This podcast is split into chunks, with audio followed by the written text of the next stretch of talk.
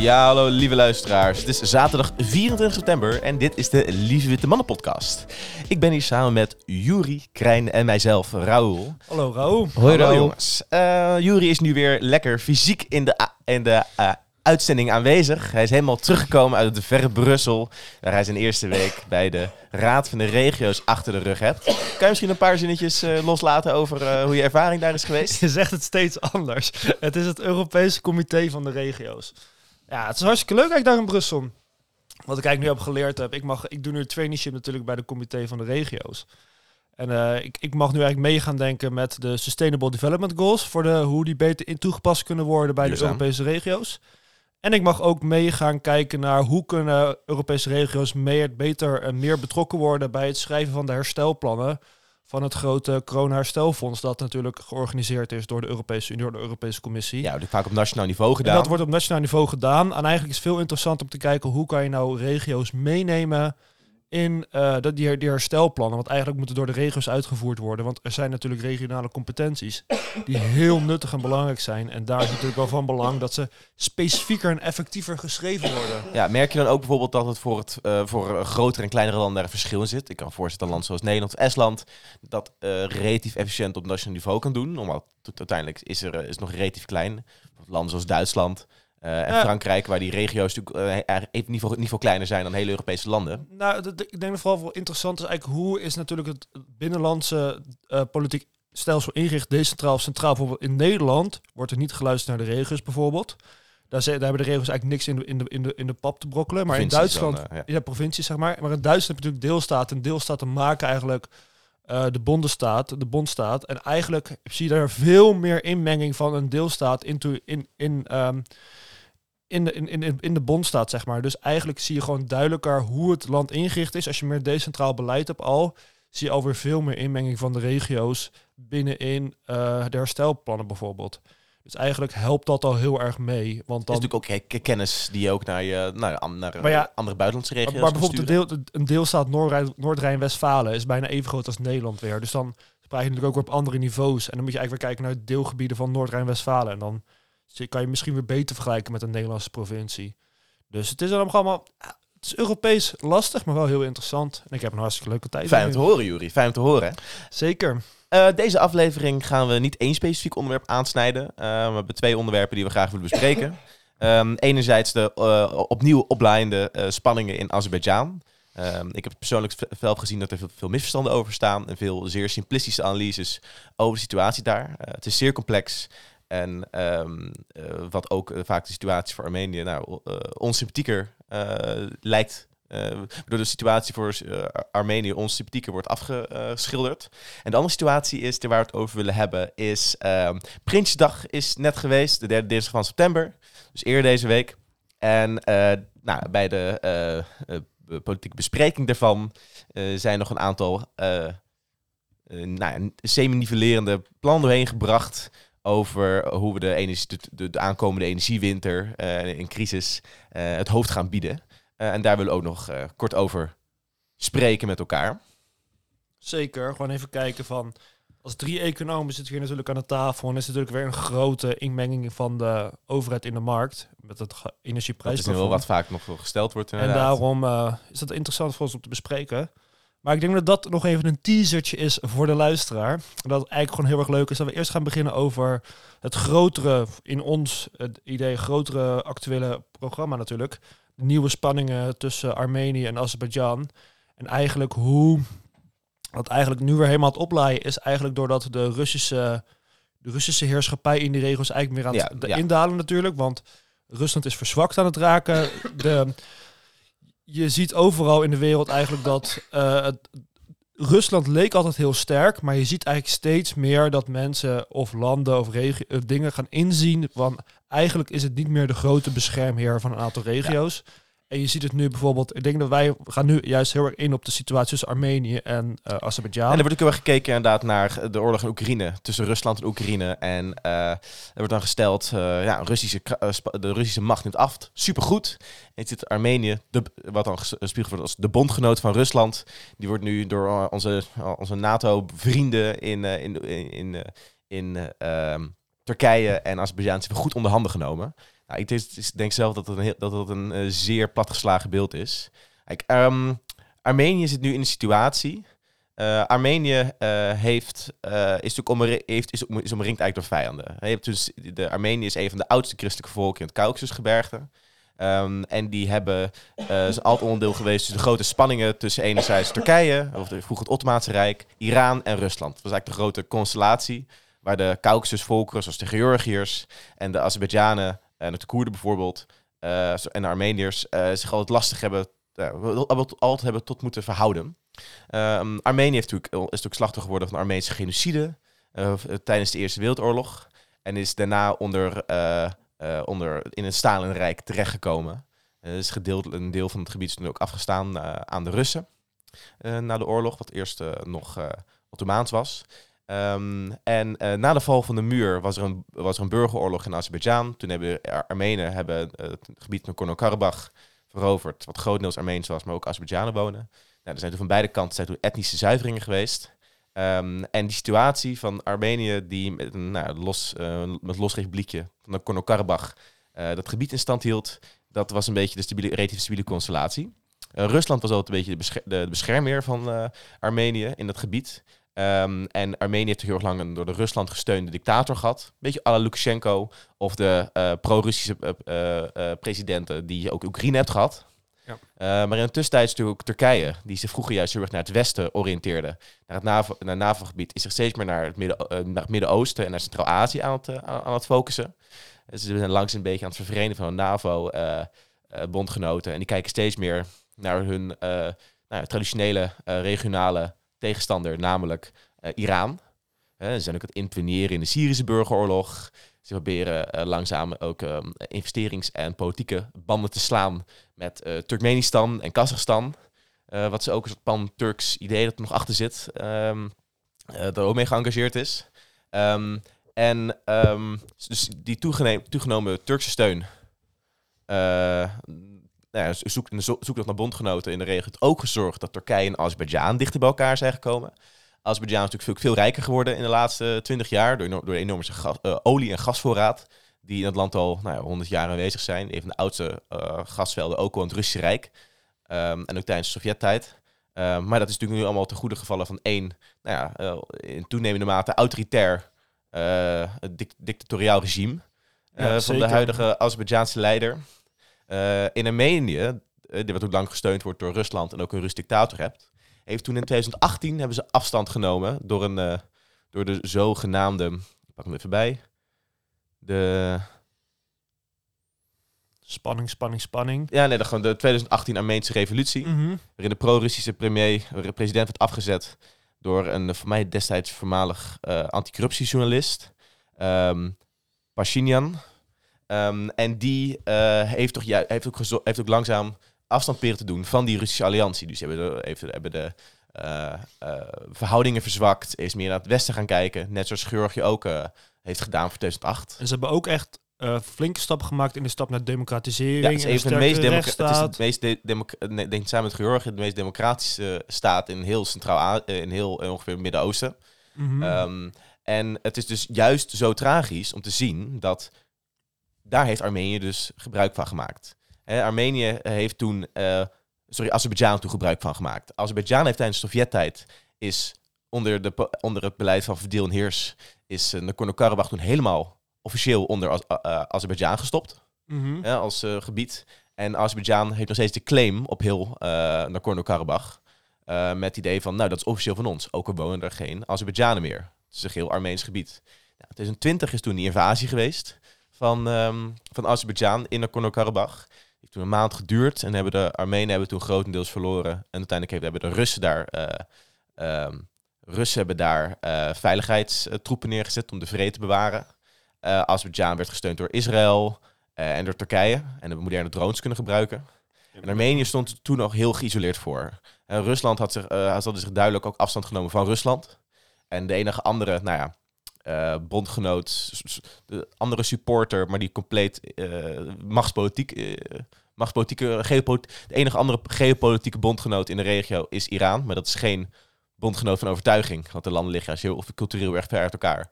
Maar eentje van nou, gezamenlijke rivaliteit met Azerbeidzjan en de Turken. Er zijn ook zo'n grote Azerbeidzjaanse minderheid ook in Iran.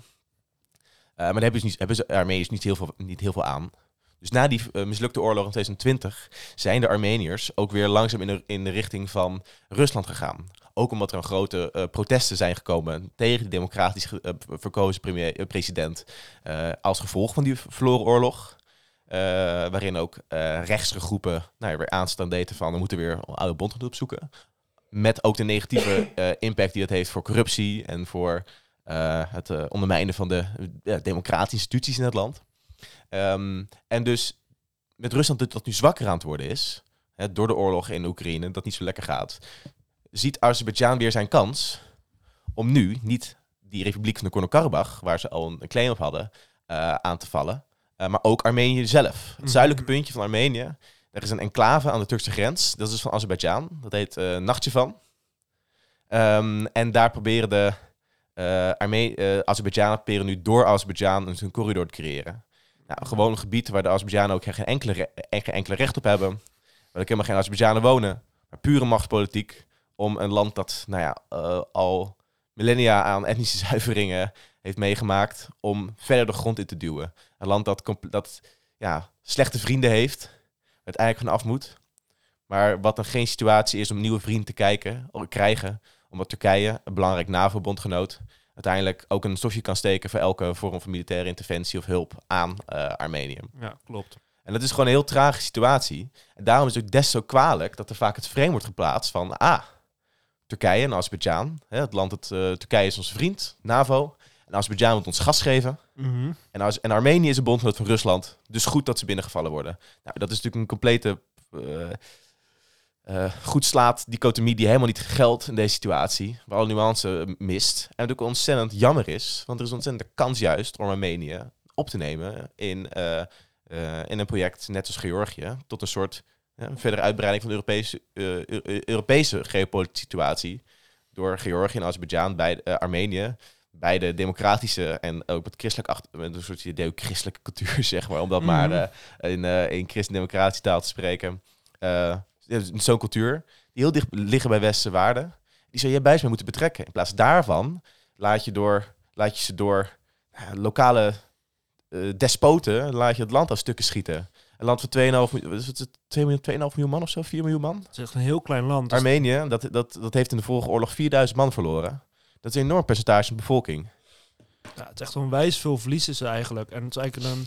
Het is puur omdat ze eigenlijk omgeven worden door middelbare mannen die gewoon honger hebben naar macht. En gewoon op zoek willen Ja, die naar... een lokale machtpositie, Ja. in binnenlandse machtpositie proberen te versterken. Armenië heeft 3 miljoen inwoners. ja, is bizar. Echt heel weinig. En eigenlijk gewoon... Eigenlijk zijn ze al best wel netjes redelijk goed bezig. Ze hebben natuurlijk eh, afscheid genomen van de Russen in 2018. Ze waren goed op weg naar de democratisering. Ze waren, waren goed op weg naar de ideeën. En eigenlijk puur is het weer gewoon hetzelfde spelletje als wij als eigenlijk een hele geschiedenis zou hebben van de 20e eeuw. Eh, ze worden gewoon van alle kanten worden ze gewoon bedreigd eigenlijk via Ja. eh, genocides, via inperkingen, zeg maar. De, ze hebben ook één heilige berg hebben ze eigenlijk in Armenië. En die heilige berg ligt in Turkije. Die kan, je die zien, de- die kan je zien vanaf de hoofdstad, maar dat hebben de Turken natuurlijk die hebben afgenomen. de Turken afgenomen en ze mogen er ook niet meer heen naar op pelgrimstocht naar een heilige berg toe. Dus, Ja, en als En we- eigenlijk is het gewoon, die, dat hele land kent eigenlijk gewoon al een hele geschiedenis van, eh, altijd, het, zat, het zat ze altijd gewoon tegen. Het heeft er nooit echt meegezeten. nu weer tegen. En juist nu dat we in een situatie zitten waarin we toch een soort ja, een nieuw front eh, lijkt te openen tegen autoritaire regimes, tegen Mhm. autoritair China, tegen Rusland. Eh, en dan zijn we wel opportunistische bondgenoten eh, zijn we aan het scheppen Ja. met landen zoals Azerbeidzjan. En dan laten we juist die landen die het goede voorbeeld kunnen geven. Hè, die, Die, die, laten we gewoon volledig stikken. Die laten ze verleden liggen. En dat is, zo'n, dat is ook een hypocriet voorbeeld. Die ook de geloofwaardigheid van het Westen Ja. en de kracht van onze woorden dan ook doet ondermijnen. Zeker. En het is ook gewoon... We we hebben nu afscheid genomen van alle... Of de meeste Russische gasten hebben nu afscheid aan het nemen. Want we willen nooit...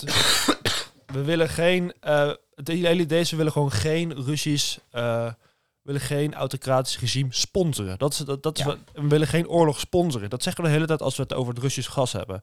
Dat willen we niet sponsoren. We willen zorgen dat die oorlog stopt. En we gaan geen gas meer afnemen, want dat kan niet. Daarentegen hebben we gelijk eigenlijk een nieuwe gasdeal gesloten met Azerbeidzjan. Die als soort van als vervangende partij. En eigenlijk Azerbeidzjan, het is onredelijk hetzelfde als Rusland. Het heeft een, heeft een dictator, dictatorachtige leider, vrij autocratisch. doet geen hele frisse dingen in zijn eigen land. Is heel erg pre pro prestigeprojecten mee bezig. Je, je, zag het ook bijvoorbeeld uit het afgelopen EK. We hebben ook in, als, in Baku gespeeld. In een gigantisch nieuw stadion hebben ze daar gebouwd. Eigenlijk puur met corruptiegeld en oliegeld. En, en oliegeld. En eigenlijk ook gewoon het hele soort van het, het sportwashing van het hele land. Daar hebben ze ook ja, gewoon je echt een hele grote rol racisme dat in Turkije en Azerbeidzjan aanwezig is. En Eh, ook- en ook- Armeniërs die afgeschilderd worden als pure ondermensen, als mensen die slavernij niet eens waard zijn. En het was ook echt het meest afgrijzelijke. Was, er- was, was er ook een as in de vorige oorlog van 20, 2020. Was er in de hoofdstad van eh Azerbeidzjan in Baku, was ook in een park.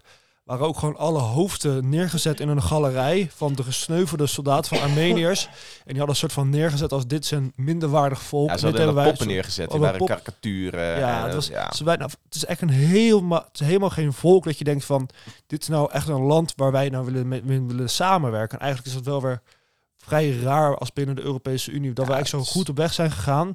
En er nu eigenlijk alweer onze nieuwe misstap aan het maken zijn vre- door het is- met ja. Azerbeidzjan zo te willen onderhandelen. En daardoor, die Armeniërs hebben daar eigenlijk gewoon weer heel hard onder te lijden, want ze, ze, ze worden weer binnengevallen. Ze, er is weer poli- er is weer paniek in het eigen land. De, de, de, de nu zittende premier, die eh, moest weer, die is weer opgestapt, of die moest weer opstappen. Er zijn weer de, protesten in het land. En eigenlijk zorgt dat er ook helemaal niet voor dat het land zich nou op een vredige manier duurzaam kan ontwikkelen. Om vredig die volgende stap te zetten. Dat je soort van eh, zelfstandig en goed kan gaan, na, kan gaan zorgen dat je verder kan bouwen in je democratie, verder kan bouwen in je economie, dat je dan het land kan laten bloeien. Het zit eigenlijk gewoon telkens in de... ja, het is, dit is bizar. Ja, zoals, eh, hoe heet het? Zoals, ehm, ehm, eh, zoals de, eco de Economist vaak doet. Die, ma- die maakt ook podcasts. En die beëindigt ook zo'n stukje met heel concrete beleidsvoorstellen. Nou, zal ik ook mijn poging doen tot een paar beleidsvoorstellen. Het is ehm, behandel het regime in Azerbeidzjan ehm, met dezelfde maat zoals je ook Rusland behandelt. Ja. Wees streng op, eventueel sancties. St- ondersteun zo'n regime niet. Eh, hou, je woord aan, hou je woord bij daad. Hou je geloofwaardigheid. Eh, als je een democratisch regime hebt, democratische staat hebt die ontwikkelingen maakt, die naar het westen gericht is, ondersteun die. Help daarmee. Behandel die net zoals we de Oekraïners ook behandelen. Ehm, eh, betrek Azerbeidzjan bij Europese integratie. Eh, maak ze, maak ze op, op, op, een, eh, een eh, soort observ- observatielidstaat. Ja, en ja, maar ja, maak, maak een soort van kandidaatlidstaat. Laat, laat jonge Azerbeidzjaanse studenten meedoen. Arme- jonge Armenische studenten meedoen met het Erasmus-project bijvoorbeeld. Laat ze naar de Europese universiteit komen. Doe wat met de... Je hebt natuurlijk het heel groot investeringsfonds wat we in Europa hebben. Spendeer een beetje geld in Armenië. Ja, zowel het land ook een zowel. Turkije als Azerbeidzjan zijn geen eh, betrouwbare eh, bondgenoten. Eh, Nee. Sowieso landen met een grote gashoeveelheid, of grote mate aan natuurlijke grondstoffen zijn altijd zeer onbetrouwbaar, omdat de hoeveelheid van snel geld, als het ware, creëert door slechte instituties, creëert Zeker. facilitatorschap. Omdat het is, je hebt de macht als je de natuur, de natuurlijke grondstoffen in handen hebt. Dan heb je gewoon, moet je gewoon gewelddadig voor zijn. Ja. Ehm, en eh, ondersteun, ondersteun zo'n land zoals eh, Armenië, ondersteun land zoals Georgië. Rusland is nu zwak. Nu is de poging van Europa om daar proactief ook in te stappen. We gaan de goede kant op met, eh, de goede kant op met Oekraïne. Doe hetzelfde met die landen in, Centraal, in, Centra- in, in Centrale Caucasus. Dan voorkom je een halve genocide en ondersteun je de juiste politieke en institutionele ontwikkelingen die we juist graag zien in de wereld. Ja, zeker. En, het dan word je ook geloofwaardig geacht als een eh, beschermer en een eh, ondersteuner van democratische waarden. Ik zou zelf zeggen dat Macron hier helemaal achter zou moeten staan met zijn eigen visie van een politiek geëngageerd Europa en ook, een ook het plan tot een eh, het creëren van een geopolitiek actief Europa, wat eh Von der Leyen nu ook Ja. als grootste st- ondersteunster van is. Ja, zeker. En dit is een hele interessante eerste casus om te kijken hoe gaat geopolitiek Europa hiermee aan de slag. En ik denk dat het juist tijd is om ook gewoon goed aan te tonen dat wij een waardige speler zijn op geopolitiek niveau. Exact. En dit is de eerste mooie, hier kunnen we mooie oplossingen slaan. En dat kan heel veel helpen. Nou, En ik denk dat we daarmee het eh, kopje 1 hebben afgerond van de mooie, het, het, oorlog, eh, het oorlogstukje. Nu gaan we tijd voor wat vrolijkers. Het energieplafond. Ja. Wij als drie hele mooie economen. Ik dacht dat je het over de AB algemene politieke beschouwingen wilde Ja. houden. Of begin je, je, gooit meteen, je trapt meteen oh, de deur nee, in huis. Nee, eh. oh, ik zie alweer, we gaan weer te snel. Ik zal het eh, tandje rustig doen voor de luisteraar. We gaan eh, de, oude algemene politieke beschouwingen bespreken. Ik heb ze zelf niet gevolgd. Ik vind het niet echt interessant meer. Het is een beetje het pislandje natuurlijk Nederland. Ik ben natuurlijk Europese bureaucraat nu, dus dan kijk je neer op kleine landjes. Aha. eh, aha. Maar Krijn, jij, jij natuurlijk als grote man van de werkgeverslobby nou ja, ik, en eh, als eh, groot lobbyist, hoe heb jij de algemene politieke beschouwingen aanschouwd? ik heb niet zo heel veel ge- gevolgd, moet ik wel zeggen. Maar inderdaad, het energieplafond voor eh, burgers is een interessante oplossing. En wat ik verder heel gunstig vond, was dat... weet je, alle stukken die er besproken zijn, die waren al eigenlijk grotendeels niet meer up-to-date. Omdat er allemaal op het laatste moment nog eh, laatste hand aangelegd is. Eh, maar de plannen voor die energiecompensatie voor het, voor het energie-intensieve MKB vind ik interessant. Dus ik ben heel benieuwd hoe dat eh, uitpakt. Eh, maar daar is eigenlijk nog niet zoveel duidelijkheid over. En dat komt als het goed is in november. Maar Mickey Adriaans van Economische Zaken heeft er ietsje meer tijd voor nodig om dat op poten te zetten. Ja, Ja, het is ook wel lastig om natuurlijk een heel nieuw plan daarvoor op te tuigen. Want dit, het huidige plan van het energieplafond, dat is ook gewoon eh, geschreven door GroenLinks en PvdA samen. nou ja, er zitten nog wel wat eh, wijzigingen in. Ja, ze hebben daarna een beetje ge- ge- getwist uiteindelijk, maar uiteindelijk hebben ze gewoon overgenomen. Ja, ik, andere uitgedacht ik, vind dat niet zo, ik kan dat niet zo goed zeggen. Ik weet eigenlijk niet wat het exacte stuk was. Maar ja, als je toch steun nodig hebt in de Eerste Kamer ook nog om dit er nog doorheen te krijgen, is het wel verstandig als je het plannetje van die twee oppositiepartijen dan gewoon overneemt, die het toch sowieso nodig gaat hebben. Zeker. in de Eerste zeker. Kamer.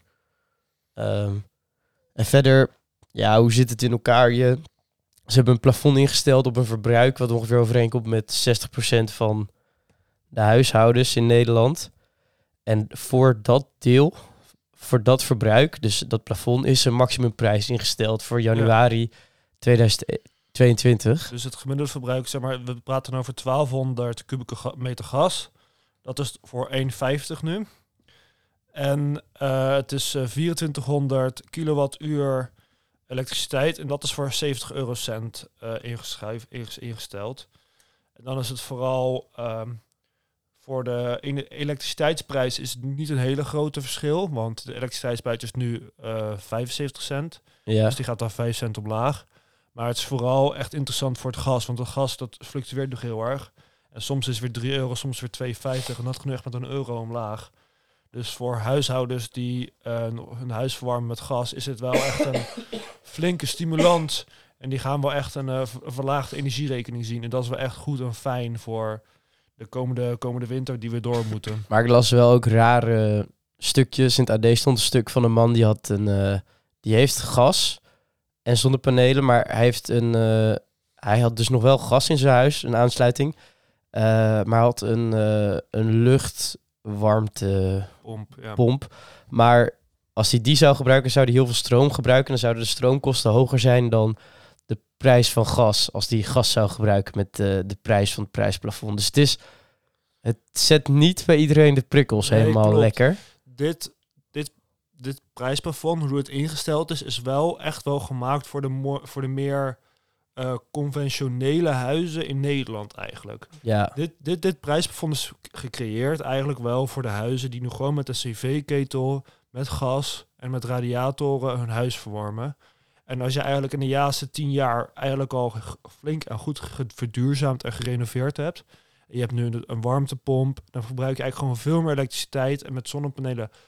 En we hadden eigenlijk al hele lange tijd vrij goedkope elektriciteit. Dus het was veel interessanter om op die manier aan de slag te gaan.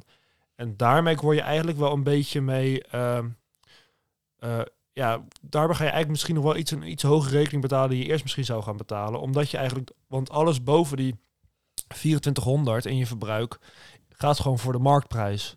En de marktprijs is natuurlijk wel hoger. Dus uiteindelijk ja, ga je wel nog een hogere rekening krijgen. Maar had misschien een soort van tweedeling gekund van eh, warmte, elektrisch verwarmde huizen en gasverwarmde huizen. Had dan misschien twee opties gemaakt, had gekund. Maar dan kom je wel weer in een, in een soort van een veel lastig bureau- bureaucratisch planproject terecht. ja. En ik vind eigenlijk ook wel weer wat hebben dat we weer gewoon een heel eh, algemeen eh, plan hebben eruit gegooid. Wat eigenlijk wel weer misschien ook weer iets beter is, misschien iets nuttiger is dan de hele tijd proberen te tweaken in de details. Wat eigenlijk ook weer heel veel eh, problemen gaat oplossen. Heel veel problemen gaat veroorzaken. ja. En wat eigenlijk misschien net niet altijd weer helemaal goed terechtkomt. En daardoor is het eigenlijk weer zoveel extra kosten die je maakt voor eigenlijk wat helemaal niet heel veel baat heeft. Maar dit is eigenlijk wel heel algemeen. Dus Stel dat je een hoog inkomen hebt, dan profiteer je er ook Ja. van voor dit verbruik. Klopt. En ik las dat vooral de lage middenklasse het meeste ervan zou profiteren. Ja. Dus de, de ja, echt de, het onderste deel, die zullen naast deze maatregel waarschijnlijk nog een ander soort ja, maar voor de, ondersteuning nodig voor de lagere inkomensklasses krijgen ze ook nog een energietoeslag van 1300 euro volgend jaar. Maar is dat 500 euro bovenop de 800 die ze al kregen? Of is het... Ja, nee. Ja, voor mij, ja, dat het. Voor maar volgend jaar, in 2023, krijgen ze 1300 euro. Dus Oh, voor dus dit jaar was het 800, dus ze krijgen nog een bedrag erbovenop. Van 500 of van Van 1300? 1300. Dus ze krijgen nog 500 dit jaar erbij en dan volgend jaar nog 1300 weer. Om soort van te kunnen helpen. Dus er wordt wel gedacht aan de mensen. En het is eigenlijk wel grappig om, te, het is wel interessant om te zien dat we nu heel, ander, heel anders erin staan om eh, wel echt nu onze burgers te helpen die in de kou komen te staan. Dus niet in de kou komen te staan komende winter. Maar ja, tegelijkertijd wordt het gefinancierd vanuit eh, hogere btw-inkomsten op gas die afgelopen jaar eh, binnengekomen zijn. Omdat Ja. de gasprijs hoger was en je dan ook meer btw-inkomsten krijgt. Dus ja, het is eh, natuurlijk had je beetje- niet wat aan die kant moeten doen. eh. Ja, dat is altijd weer de vraag. Ja, natuurlijk. er- Het is altijd. Je hebt inkomens, je hebt uitgaven. Maar dit is wel een soort van een. Het geeft wel een ehm, geruststellend gevoel ook. Als jij een gemiddeld verbruik hebt, dan weet jij dat je niet voor ongelimiteerd hoge prijzen eh, terecht kan komen. En het zorgt ook wel. Je hebt, je hebt, je hebt nu op een tijdelijk korte termijn moment heb je wel een soort van een gevoel van. eh, ik weet dat er nu een maximumprijs is als ik dit verbruik ongeveer heb. Het zorgt wel voor iets meer rust bij een hoop eh, gezinnen en een hoop huishoudens in, in Nederland. En het, je, je, je gaat niet meer met angst en beven de winter in. Heb Dat jij is- Rob Jetten horen praten of zo? eh? Nee? Ja, die zei dit ongeveer in zulke woorden. Ja, Ja. Sigrid Kaag die, die eh, struikelde helemaal over de, de fiscale voorwaarden en de prijzen. En die had het over het, over het prijsplafond en het volumeplafond. En die ging helemaal... eh, die was niet te volgen, maar Rob Jetten, die hield het hierbij. Die had het inderdaad over... Het moet een gevoel, een stress moet het wegnemen bij... Ja. eh, En ik denk dat dat wel echt waar is. Het, het- het haalt echt stress uit je... Ja, dat was misschien... het, het leeft heel erg in de mondige... Bij, bij mondige burgers leeft het heel erg... Dat die, die, die waren echt hun energierekening telkens aan het delen van hoeveel hoger ze hem hadden in vergelijking met vorige maanden of vorig jaar, zeg maar. En die, die grote groep mensen die toch al eh, last hebben van de inflatie eigenlijk ook, die hebben nu wel een soort van een geruststellender gevoel voor de energierekening. Ik weet nu ongeveer hoe die zal gaan verlopen komende winter. Weet je wat wel eh, opvallend was trouwens? Mensen die kunnen altijd denken van nou die energierekening dat is een probleem in Nederland, staat verder los van alles en moet op zich beschouwd worden. Eh, maar dit hangt natuurlijk nog steeds samen met het conflict in Oekraïne en de oorlog tussen Rusland en Oekraïne. Ehm, en in de algemene beschouwingen probeerde Sigrid Kaag, eigenlijk als een van de weinigen, en eh Sophie Hermans probeerden dat beeld neer te zetten. We moeten niet vergeten waar we het voor, waar we het voor doen, hè, waarom wij erop achteruit gaan. En die werd toen eh, daar hevig op aangesproken door onder, onder andere Caroline van der Plas. Ja, maar dat, Die, vond, ja, dat kon echt niet eigenlijk wat ze daar zei. Nee, dat, dat was inderdaad opvallend. Dat ze doen alsof het probleem in Nederland ligt. En eigenlijk helemaal niet... ehm, niet erbij, geen moment erbij stilstaan dat Oekraïne op dit moment een oorlog aan het uitvechten is... die voor ons eigenlijk heel fijn is dat ze die strijd hebben opgepakt. En dat wij eigenlijk maar moeten hopen en Oekraïne moeten blijven steunen... omdat onze waarden staan daar, zijn in het geding daar. Ja, zeker. En dat dat ook gewoon een prijs kost. Maar ja, dan wordt het weer heel klein gemaakt. En dan gaat het naar nee, Nederlanders die lijden eronder. En onze welvaart, die toch best groot is, die kan Ja, krimpen hierdoor. Dat, ja, zeg maar, het, het gaat uiteindelijk dat je, dat, je, dat, je het zo, dat je het zo echt puur voor je eigen achterban hebt gemaakt. Dat je dan dat je eigen achterbaan, achterban gewoon echt wel flink een hoge energierekening heeft natuurlijk. Maar dat die eigenlijk gewoon alsnog gewoon veilig een dak boven hun hoofd hebben. Met er dan een iets kouder huis. Maar ze hebben nog wel gewoon een huis. Dus ze zijn niet eh, op het slagveld in eh, de Donbass aan het vechten. En dat is toch wel echt een heel stuk een betere situatie. ja. En ik vind het eigenlijk afs- niet te doen dat je dan eh, Nederlandse burgers dan hier zo ver, veraf, verafschuwelijk over gaat doen dat wij hiervoor dit even opofferen. Dit, dit, dit, dit, dit, extra prijs voor je energierekening. Terwijl er wordt gevochten voor Europese waardes. Ja, verderop op het Hey, en ook continent. al zouden we nu zijn, oh je- sorry Poetin, eh heel mee eens, we gaan maar gezellig zijn. Wat dan? Eh, gaan de fucking de Russische gaspijp door, door Duitsland gaat weer open of zo? Dat is niet hoe het werkt. Ja, dat is niet hoe het werkt. Als wij het alleen doen, Ja, precies. ja, dan... eh, En Je, je, je kan ook nooit, zolang dit regime en deze gedachtegoed in Rusland nog steeds heerst, kan je nooit eigenlijk meer waardig met hun onderhandelen en waardig met hun om de, om, om de tafel zitten over economische de- ideeën. nee, Dat is eigenlijk gewoon niet mogelijk. nee. Eigenlijk heb je een regime en een cultuurchange nodig in eh, Rusland om echt weer naar een ander land te gaan kijken. Maar zelfs binnen Rusland, 80% van de bevolking heeft gewoon trek in die oorlog en die steunt gewoon alles. Ja, Dus je kan nog niet zeggen, ah, als Poetin weg is, uit het raam gevallen is je hebt de volgende, dan kunnen we in één keer wel over gas praten. Nee, dat kan gewoon niet. weet je dat... Gas uit Rusland en ah, producten uit Rusland zijn nu gewoon echt niet, niet, not done. Dat doe je niet. Oekraïne heeft zelf wel ook een aantal eh, vrij grote gasvelden. Ja. Ze kunnen beter zorgen dat dat conflict daar snel eindigt. Dat, eh, dat die even aangeboord kunnen worden. Want daar zit ook nog flinke... Maar weet je waar dat die gasvelden liggen? nou, Een die half liggen... bezet gebied ook, hè? Nou, niet helemaal. Maar het is ongeveer naar de hele oostflank. Ja, maar dat is ook een er Daar ligt kijk, ook er is gas genoeg in de wereld. Ik bedoel, eh, nieuwe gasvelden in, eh, in de... ehm keer nieuwe gasvelden in Egypte, in ehm, Griekenland en in Cyprus, hè, in de oostelijke Middellandse Zee. Eh, de eh Surinaamse hebben een berg gas gevonden en olie. Er is genoeg gas en, eh, en olie in de wereld. De vraag is natuurlijk infrastructuur. Hoe, krijg, hoe ga je het hier in Europa krijgen? Nou, Maar ja, in Oekraïne ligt dus ook al infrastructuur die de Russen al een hele tijd geleden zeg gebouwd De pijplijn liggen er wel, maar je moet natuurlijk ook wel een paar jaar voordat je Ja. eenmaal die... En je moet ook net de kapitaalinvestering willen doen in de gebieden waar eh, grote spanningen zijn. Ja, het klopt inderdaad. Want Shell en eh, BP en Total, volgens mij, die waren allemaal bezig met die investeringen in Oekraïne aan het doen om die gasvelden te ontginnen. Maar dat was voor 2014 en toen ontstond dat conflict inderdaad in de Donbass. En die hebben toen eh, ja, vrijwel allemaal besloten om, eh, om daarmee te stoppen en te desinvesteren. Omdat ze niet wilden, wilden investeren in een gebied waar politiek zo instabiel was. Ja, klopt. Dat, dat, dat is gewoon totaal niet interessant om dat zo te doen. Maar, ja, kijk, uiteindelijk voor de gascrisis hier in Europa, we hebben nog twee jaar nodig. Dan zijn onze LNG-terminals allemaal op orde en geïnstalleerd. Dan kunnen wij gewoon gas eigenlijk over de hele wereld halen. En dan hebben wij ook, hoeven wij ook helemaal niet meer te praten over Rusland. Nee, het, is ook een schok. Het is een tijdelijk schok. Het is een we moeten gewoon nu moeten gewoon echt uh, moeten gewoon veel belasten. Het is gewoon, dat Ja. kunnen we in Nederland niet. Eh, dat is gewoon echt heel matig. Omdat die, omdat die eh, zoals in de volkskrant ook gezegd werd van vandaag, de, de Tweede Kamer en de kiezers die vragen voor een ruk aan het stuur. Maar er is helemaal geen stuur meer. Dat is allemaal, die hebben ze we hebben overboord gegooid. Omdat het anders eh, het natuurlijk verloop van het schip zou, eh, eh, zou, beïnvloeden. Nou ja, Dat is wel waar, ja. we hebben wel een lage staatsschuld, dus... eh, Ja, we hebben een van de laagste staatsschulden van Europa. Ja, fair enough. Maar dat is ja, natuurlijk heel heel van het idee. Maar we hebben ook helemaal geen ja, ministerie meer die dat kan beïnvloeden. En we hebben natuurlijk, al, we, we hebben natuurlijk ook echt alle... eh eh, eh, natuurlijk die hele infrastructuur, de hele controle-infrastructuur ook eruit getrapt, zeg maar. allemaal En geprivatiseerd. die gemeentelijke gasbedrijven echt, die ging echt niet slecht of zo. De gemeente is nu één keer... Een gemeente Rotterdam probeerde heel lang Nuon te liberaliseren of te verkopen. Ehm, eh, en eh, dat is dan... Ik heb dus één keer miljard voor gekregen. Nou prima, dan konden ze dan hadden een konden ze helpen voor een aanbetaling voor een nieuwe metrolijn.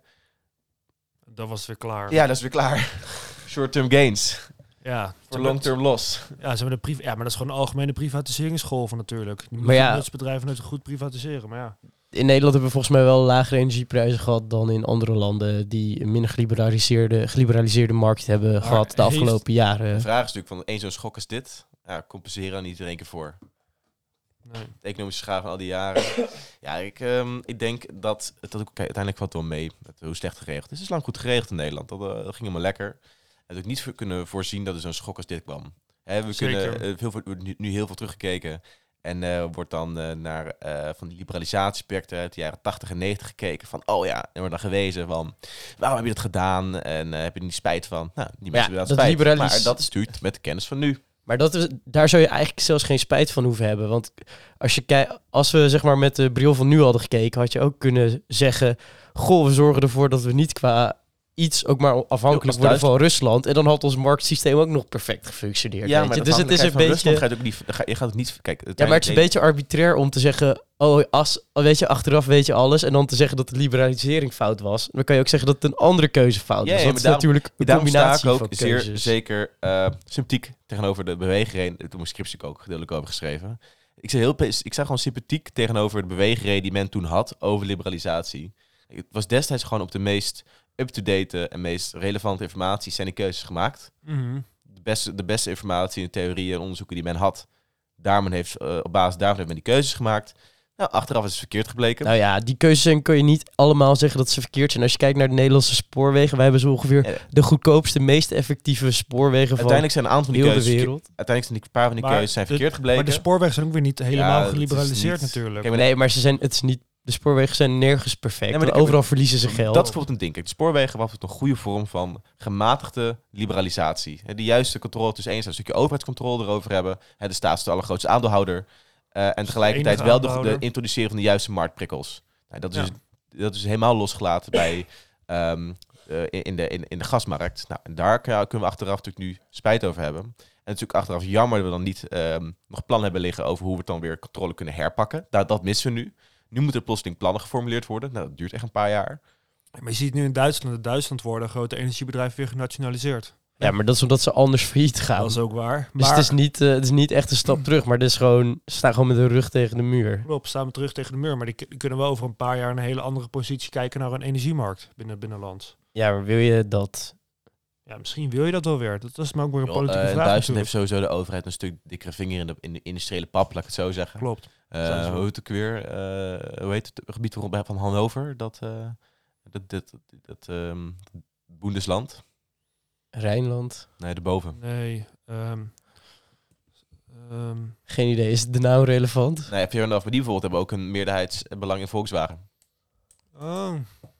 ja, lekker. Ja, dat soort dingen. Maar dat, oh, dat heeft de Duitse overheid een groter handje in. Ja, die voert meer industriepolitiek. Minder een handelsland, meer een industrieland. Dus die heb je sowieso een grotere eh, rol van de overheid in de industrie. Neder-Saxen. Ja, precies. En kijk, bijvoorbeeld Frankrijk ook. Ook een grote vinger in Zou je dat willen hebben trouwens? Dat. Dat heb je gewoon nodig als je een industrieel land wil hebben. Er Ja, zijn ja. geen goede industriële landen waar de overheid geen dikke vinger in de pap hebt. Maar, Anders, wij- anders kan je namelijk door, sch- door economische schokken, verlies je gewoon al het industrieel kapitaal. Maar- dat, is, dat is zeg maar de zekerheid die zo'n bedrijf nodig heeft om te kunnen investeren in een land. Maar dat hebben wij toch ook heel lang gehad. We hebben toch ook heel lang een vinger in de pap gehad bij Phil- Philips, Unilever. En, en Shell. En allemaal, en Shell- allemaal, en is Shell- allemaal vertrokken toen we ermee stopten. ja, en Shell, Ik toch altijd. Shell was toch altijd eh, het ministerie van Buitenlandse Zaken voor Nederland. Daar ging altijd, dat was alleen maar Shell. Alles ging via Ja. Shell. Zo, wij hadden ook één grote, hele grote vinger in de pap bij al onze bedrijven. We luisterden er ook naar. We hebben er ook, we zijn er ook mee gestopt. We hebben er andere manier zijn we naar gaan kijken. We zijn het meer als losse instituten gaan bekijken. En dat is gewoon iets anders. Ja, Duitsland heeft er iets meer vastgehouden. Omdat ze gewoon een andere soort eh, industrie ook hebben. Wat je nog maar wat langer wel vast kan houden. Want die auto-industrie Ja. die door blijven ontwikkelen. Dus dan kan je iets langer nog meegaan in Ja, het Nederland het een handel- en serviceland. Nou, en, daar, Ja. en dan is die uh, weer, daar is, dat, ook gevoel, dat is gevoelig voor schokken. Maar je vernietigt niet zoveel kapitaal als iets, een één bedrijfje failliet gaat. Terwijl het, ligt veel, het, het hangt allemaal in elkaar in zo'n industrieel, eh, in een industrieel land. Daarom bijvoorbeeld donderde ook heel die Engelse industrie in elkaar. Toen Ja. de Engelse overheid niet meer de Britse auto-industrie wilde stimuleren. En ik denk je ook juist in die hele staalregio van Noord-Frankrijk en Wallonië en een stukje Duitsland. Dat is ook gewoon helemaal in elkaar gestort. Omdat de staalindustrie en de kolenindustrie natuurlijk in elkaar storten. Je ziet gewoon hoe, hoe, hoe, la- hoe hard een land dan omlaag gaat daar. Maar eh, jullie wilden over de algemene politieke beschouwingen praten. Ja, we hebben niet zoveel, gelukt. ik heb niet zoveel dus industriepolitiek gehoord bij de algemene nou, er politieke zijn wel beschouwingen. geweest over het einde van vermarkting in ieder geval. Van wie? Van Thierry Baudet of zo? Nee, nee, nee, eh. nee, nee, nee, nee. Het is zo van de hele linkse oppositie. Maar ook vanuit bijvoorbeeld, eh weet ook weer, voor mij was dat eh, eh, een paar eh, mensen, was een dus, wat was ook weer, was was een discussie van, van een aantal wat linkse CDA-leden, die dus ook in nou, constructief dialoog met de linkse oppositiepartijen zijn getreden over eh, dat, ze, dat ze in ieder geval als Tweede Kamerlid persoonlijk kritiek hebben op nou ja, de, de, de, de eh, liberalisatie eh, de, de liberalisatietrend die er nog steeds is. En Mhm. de liberalisatiedrang. En dat ze daar dan wel... Nou, dat, dat, dat er ook, ook binnen de coalitie zijn er ook partijen die daar kritisch tegenover staan. Dus ik, er is wel een paradigmaverandering gaande. Het is gewoon een stuk langzamer dan andere landen. Juist omdat gewoon de, de, de huidige regeringscoalitie onder de VVD zit er gewoon niet op te wachten. Nou ja, de en VVD. werkt het echt zo slecht? Het is gewoon, het is- schokken zijn gewoon heel moeilijk, heel kut. en eh, liberalisatie, vermarkting, dat zorgt voor ontzettend veel schokken. En in een heel complexe en zeer eh, eh, een heel complexe economie waar alles in elkaar geïnterlokt is, kan zo'n schok gewoon ontzettend grote impact hebben. Ja, en daar is gewoon geen rekening mee gehouden. Er bestaat ook helemaal geen schok in de micro-economie, want de markt die zoekt vanzelf een nieuw equilibrium op. En er is geen tijd. Er is, er is, er is, er is geen tijd in micro-economie. En als je zo naar de economie kijkt, dan is een schok is altijd direct opgelost in de markt. Maar er gaat tientallen jaren gaan eroverheen.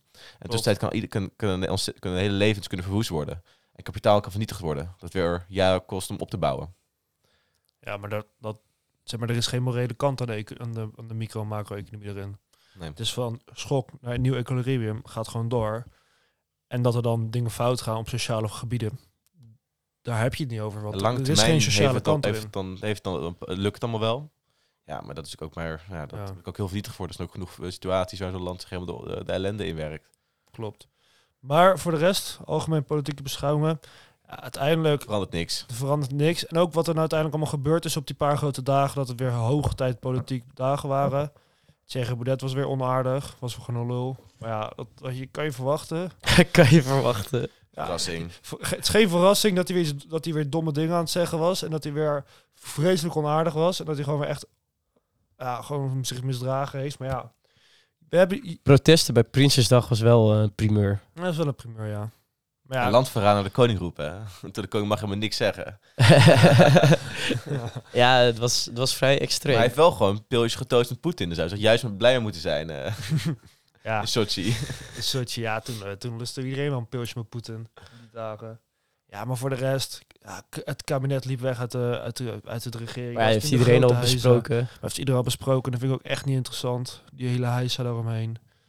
Ja, je hebt gewoon een paar, je hebt gewoon een paar fascisten in je Tweede Kamer zitten. Ja, dat hoort er nou helemaal bij als je een fascist in je kamer hebt. Ja, het is wel eng hoor. Ja, het is wel echt heel eng. Het is echt niet Ik vind het wel bizar, gewoon de denkbeelden dat hij er ook had. Hij zei ook, ja, dit is een feit. Het is gewoon een feit, het is gewoon een feit. En dan bracht hij dan inderdaad een Maar weet je eh, persoonlijke aanval tot de Ja. minister eh, op. En dat je insinueren wat dat hij dan... echt dat dan- hilarisch Dat is? ze dan een geheime agent is voor de, voor eh, de New World Order, wat dat Ja. ook mogen zijn. Maar weet je wat echt hilarisch is? Wat die, wat die Kaag beticht. Of eigenlijk, hij beticht niks, maar hij suggereert van alles. Met, met de Mhm. manier waarop hij Ja. het zegt. Zijn, eh, zijn eh, grote ideologische voorbeeld John Loveland. Die, Ja. die hem meegeschreven heeft aan zijn thesis. Of zijn thesis geschreven heeft. Er bestaat een beetje discussie over. Maar die heeft zelf gestudeerd aan dat Anthony College.